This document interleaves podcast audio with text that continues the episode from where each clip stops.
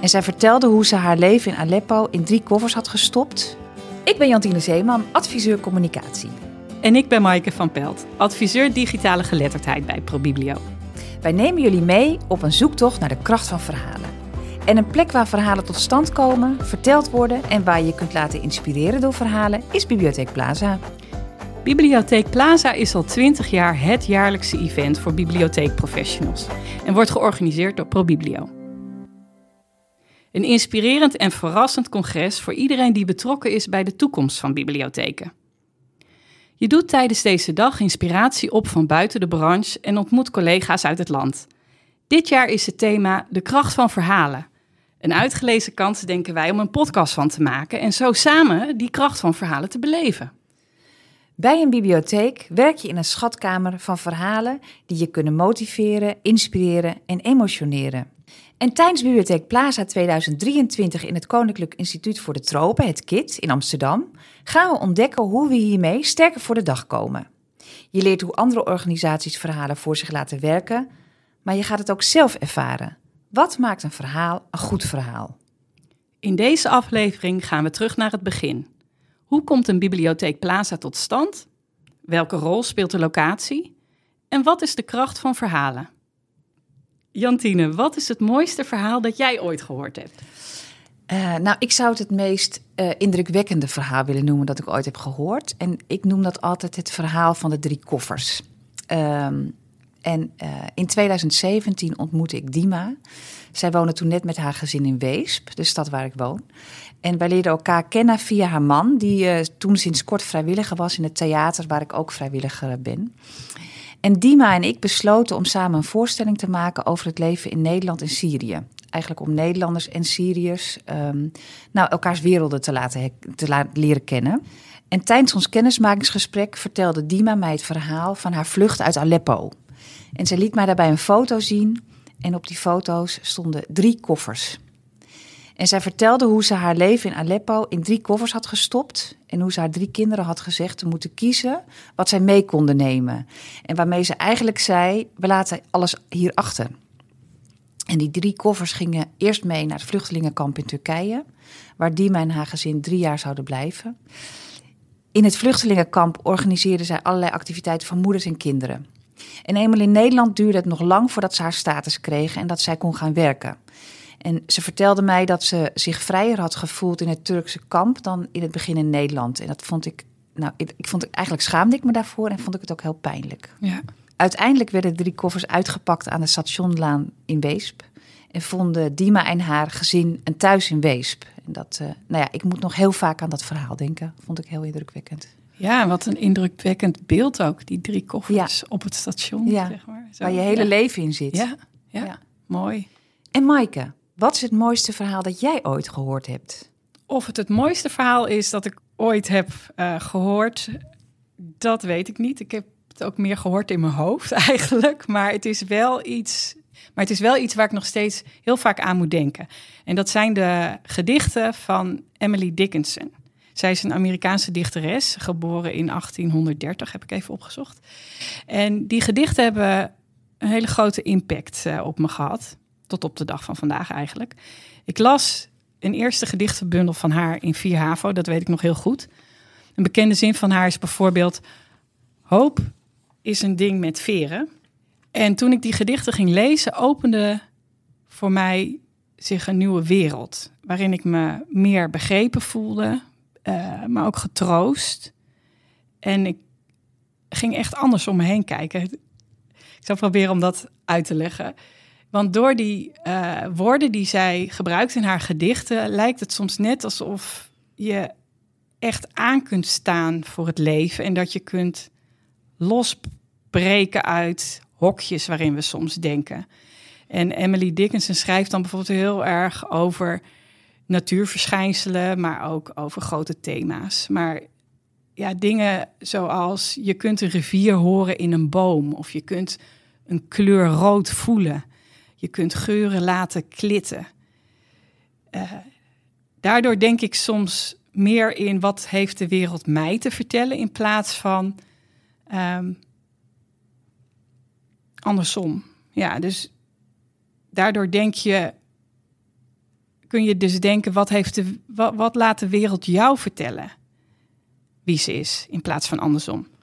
En waarschijnlijk ontdek je dat je meer ziet, proeft, ruikt, denkt en voelt wanneer je het leven niet heel overzichtelijk in een vakje of in een doosje probeert te stoppen. Dus het heeft voor mij echt een andere kijk op het leven uh, gegeven, waarin ik me ook wel veel meer begrepen voelde. Dus dat is echt wel de kracht van gedichten. En welk verhaal heeft jou het meest geraakt tijdens een Bibliotheek Plaza? Ja, dan moet ik meteen denken aan, uh, aan iemand. Uh, aan, uh, aan wie? Leila Pranovrac. Moeilijke naam, ja. ja. en met name hoe zij altijd en overal het verhaal van vrijheid vertelt. Want waar komt zij vandaan? zij komt uit Servië. en zij is 27 jaar geleden naar Nederland gekomen, gevlucht. Um, en eigenlijk altijd, overal waar zij is, vertelt zij dat verhaal van vrijheid. Dat heb ik pas later ontdekt, toen ik me in haar ging verdiepen en haar ging volgen. Um, en met haar verhaal over vrijheid kan zij ook, nou laat zij mij ook heel erg mijn, mijn uh, uh, vrijheid ervaren. Ze kan daar ontzettend goed over vertellen. En het leuke is, het allereerste uitje wat wij deden toen wij in een AZC, dus in het asielzoekerscentrum zaten, was naar Madurodam. En toen zag ik dus Nederland in het klein. En dat vond ik zo magisch bijzonder. Om dit park was mijn eerste introductie met hoe mooi Nederland eigenlijk was. Dus hoe bijzonder is het dat je dus 27 jaar verder bent, want ik woon inmiddels 27 jaar in Nederland, dat ik een ex-vluchteling ben en een van de Haagse vrijheidsambassadeurs. Dus zo mooi kan het leven lopen. Ik vind het heel belangrijk dat je weet dat je alles in het leven uiteindelijk kunt te boven komen. Overwinnen is weer alsof je een strijd aangaat. Maar te boven komen betekent voor mij dat je van alles wat je meemaakt kunt leren. En van al die lessen een heel mooi leven kunt hebben daarna. Maar ook nog heel veel anderen kunt helpen. Dus blijf vooral je eigen verhalen met elkaar delen, want daarmee verrijk je jezelf en de ander. Uh, ik werkte één dag met haar samen op een bibliotheek Plaza. Zij was haar dagvoorzitter. En sindsdien volg ik haar dus. En wat zij doet en hoe zij zich inzet voor vrijheid, um, ja, dat vind ik heel inspirerend. En een van haar boodschappen is dat je eigenlijk alles te boven kunt komen. Uh, en dat je vervolgens ook anderen kunt helpen. En dat voel ik eigenlijk een beetje sinds, sinds ik haar dat heb horen zeggen als een soort opdracht. Dat ik denk, ja, dat is dus zo waanzinnig belangrijk om dat verhalen ook te blijven verspreiden. Uh, Maaike, um, als je kijkt naar uh, Bibliotheek Plaza, welk verhaal heeft jou dan heel erg geraakt? Ja, verhaal dat mij heel erg heeft geraakt tijdens een Bibliotheek Plaza is. Dan gaan we terug naar Bibliotheek Plaza 2021.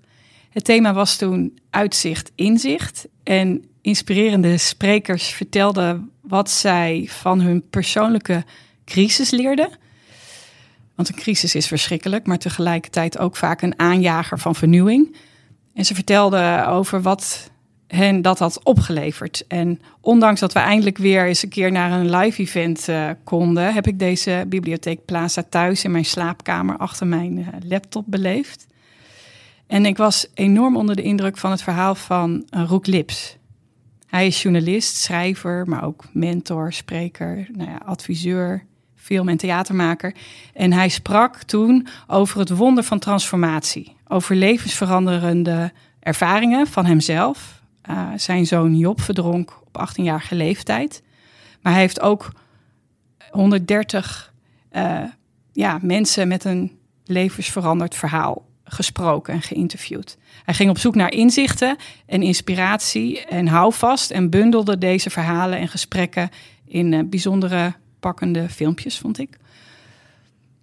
En het gemeenschappelijke element in al deze gesprekken is het inzicht dat een crisis soms nodig is om tot een verandering te komen. Of eigenlijk soms, eigenlijk altijd.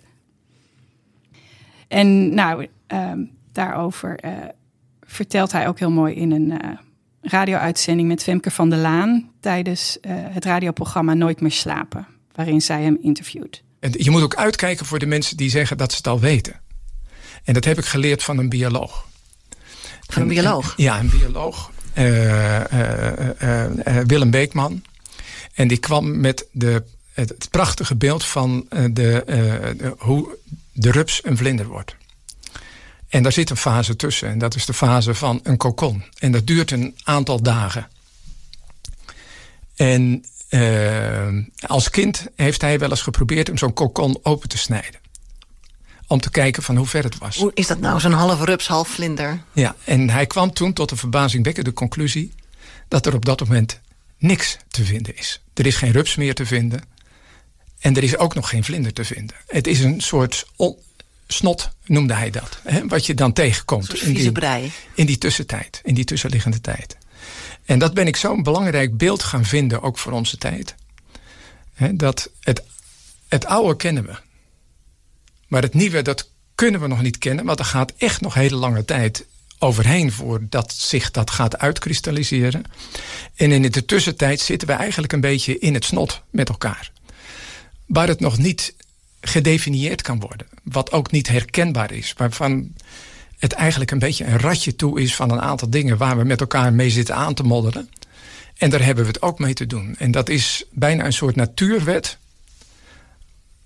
Door die gesprekken kom ik daar steeds meer achter. Het is bijna een soort natuurwet dat je daar doorheen moet voordat je bij de, de echte verandering uit gaat komen.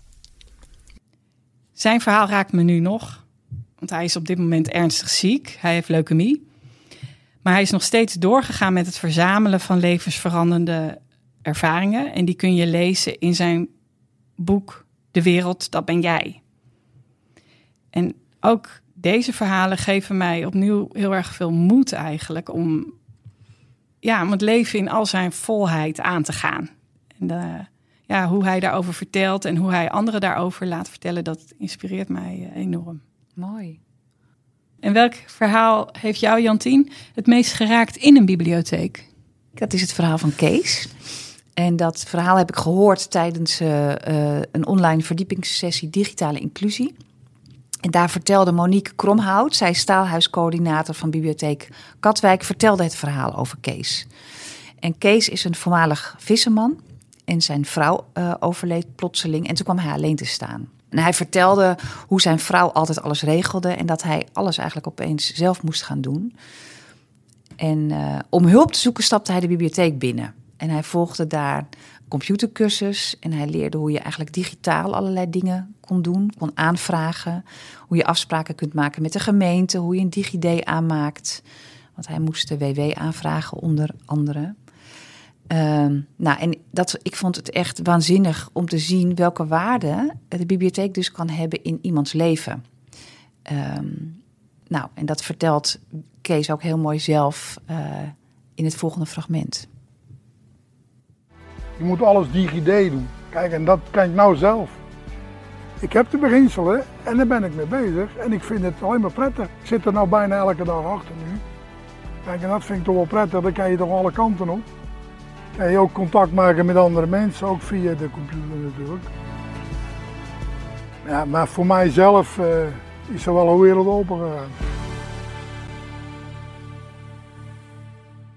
Wat mij echt bijna elke keer als ik een bibliotheek binnenstap opnieuw raakt, is dat er mensen zijn, dat ik mensen zie die zich er thuis voelen en zichzelf kunnen zijn te midden van een schatkist aan verhalen. Dat zijn boeken, maar ook programmering, informatie, ontmoetingen. Dat het echt een plek is waar iedereen welkom is. En of je nu wil lezen voor je plezier, of iets wil lezen, of voor een vraag komt, of voor een activiteit. Dat vind ik echt, uh, ja, dat ontroert me echt. Ja. Nog steeds, ja. En ik denk ook aan um, verhalenverteller, maar ook programmamaker Mike Warner. Die uh, is van uh, de Bibliotheek Zuid-Kennemerland. En hij heeft samen met uh, Winston Brenden het meemaakpodium Schalkrijk in Haarlem uh, mede opgericht. Of opgericht. Um, en zij hebben eigenlijk een podium gemaakt waarbij mensen de collectie zijn en de community het zelf mag doen. En, en de bibliotheek faciliteert dan in het bieden van een podium waarin uh, ja, de mensen in de buurt eigenlijk uh, zelf het programma mogen maken. En daar gebeuren ook hele bijzondere dingen. Maar hoe komt een bibliotheek Plaza nou eigenlijk tot stand? Weet jij dat? Waar begint het? Nou, ik, volgens mij begint het bij onze collega Ilse Keunen. Zij is projectleider van Bibliotheek Plaza bij ProBiblio. En ik zou haar eigenlijk de verhalenzoeker achter Bibliotheek Plaza willen noemen. Laten we haar er even bij vragen. Hoi Ilse. Hoi. Leuk dat je hier aan tafel zit. Jazeker. Ehm, en voor we dieper ingaan op Bibliotheek Plaza, ben ik heel benieuwd naar wat is jouw mooiste verhaal eigenlijk? Mijn mooiste verhaal? Ja, dat is een eh, moeilijke vraag. Er zijn natuurlijk zoveel mooie verhalen, dus om daar één verhaal uit te kiezen is eh, niet zo makkelijk. Maar als ik daar zo over nadenk, dan is er wel één verhaal wat me enorm geraakt heeft. Ehm, en dat is eh, het boek. Haar naam was Sarah. Eh, dat heb ik gelezen toen ik eh, naar Oostenrijk ging op, op vakantie, wintersportvakantie. Dat is al best wel een tijdje geleden inmiddels. En mijn dochter, die heet Saar. En we gingen ehm, naar Oostenrijk met de trein. En ja, de parallel tussen Sarah uit het boek en mijn dochter Saar was al vrij snel gemaakt. Ze waren ongeveer even oud. Eh, ja, de namen lijken natuurlijk Ja. heel erg op elkaar. En eh, ja, het, het boek ging over eh, een meisje in, in- de Tweede Wereldoorlog. En ja, eigenlijk ehm, het moment, ja, wij waren met iets heel leuks bezig en wij gingen met de trein op vakantie. Ja. En het moment dat wij ehm, op de trein stapten om iets heel leuks te gaan doen, eh, ging dat meisje met de trein naar een kamp. Ja, dat eh, is me zo erg bij eh Indrukwekkend, ja. gebleven. ja. Dat ja, heeft enorm veel indruk op mij gemaakt. En vertel eens, hoe komt Bibliotheek Plaza tot stand? Ik weet ooit toen ik net bij ProBiblio met een eerste opdracht begon, dat er een hele groep mensen in een kamertje verzamelden en gingen brainstormen. En toen was ik al ontzettend benieuwd, wat gebeurt daar nou eigenlijk? Kun je daar een inkijkje in geven? Nou, wat we altijd doen is eh, aan het eind van een eh, editie sturen we een evaluatie. En dan vragen we aan de deelnemers ehm, wat, wa- wat zij denken wat een goed thema zou kunnen zijn voor het jaar daarna. En daar halen we eigenlijk al veel ideeën uit op. En soms is het ook een combinatie van alles. eh, iets wat een, een thema wat, wat in de lucht hangt, gecombineerd met dat wat gezegd wordt. En vaak komt er dan ineens iets naar boven waarvan we met elkaar denken, ja, dat moet het worden voor volgend jaar. Dat Ja. is vaak heel, eigenlijk heel snel eh Bedacht. wordt. Ja, Hey, en wat is de betekenis van de Bibliotheek Plaza voor bibliotheken? ik hoop dat bibliotheken er inspiratie eh, uithalen. Dat is in ieder geval de bedoeling van de dag. Ja, En ook om bibliotheken en bibliotheekmedewerkers een nieuw perspectief te geven op een onderwerp.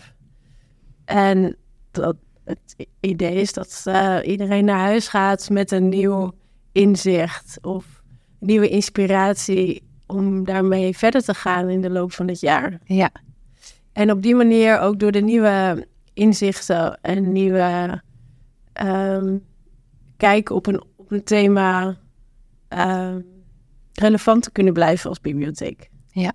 ja, dus je geeft echt veel mee eigenlijk waar ze, eh, nou, waar ze, waar ze ook voor de toekomst ehm, mee aan de slag kunnen. Ja.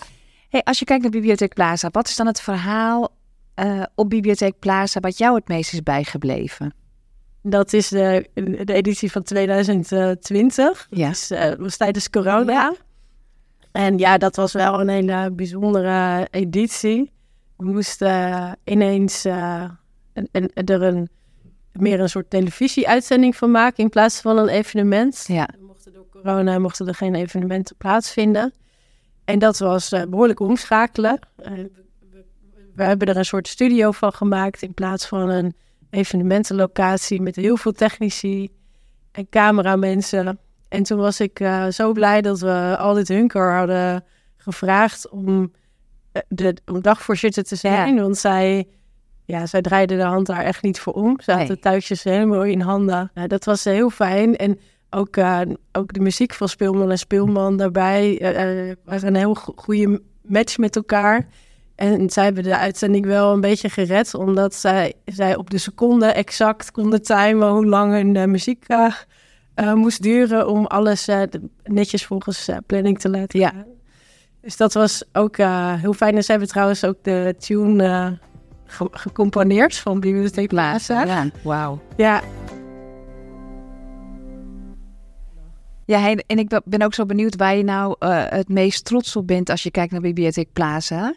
dat je het eh, samen doet. Ja. Dat vind ik heel, heel leuk om te zien. En de energie die er vrijkomt op zo'n dag.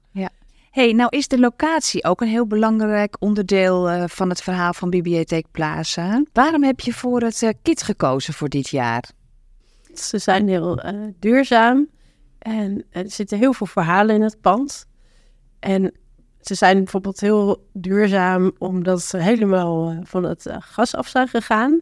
En ja, wat betreft de verhalen, het zijn, het zijn ja, veel verhalen uit de koloniale geschiedenis van Nederland.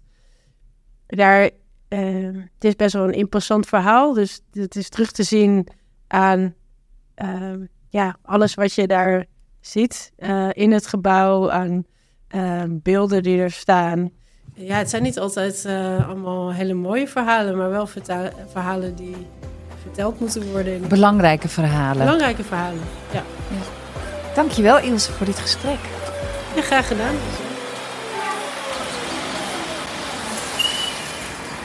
Is dat het kit? Eh, Het grote gebouw?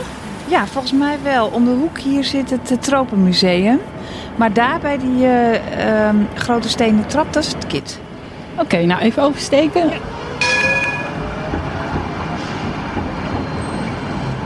Weet je wat er staat? Een gebouw, hè? Ja, hoog ook. Ik denk wel zo'n 10 meter of zo. Ja, denk ik ook. Zeker. Zullen we naar binnen gaan? Ja. We moeten, we moeten nog iets verder doorlopen naar de marmeren hal. Wow. Wat een boel marmer. Mooi ook, hè? Al die verschillende kleuren. Bruin en roodbruin, wit. Ik vind het net of je, alsof je in een eh, andere tijd stapt. Eind 1800 of zo. Ja. Statig, prestigieus. Grote pilaren ook. Ja. En even kijken hoor. En daarboven al die gouden versieringen. ja, heel mooi. En wat zijn er veel trappen ook, hè? Ja, je kunt daar naar boven en dan weer naar beneden. Ja. Hey, zullen we even kijken waar, eh, wat onze plek vandaag is? Kunnen we opbouwen? Yes. En welk verhaal wil jij met ons delen? Neem het mee naar Bibliotheek Plaza, waar de volgende aflevering zal zijn. Kijk voor meer informatie in de show notes.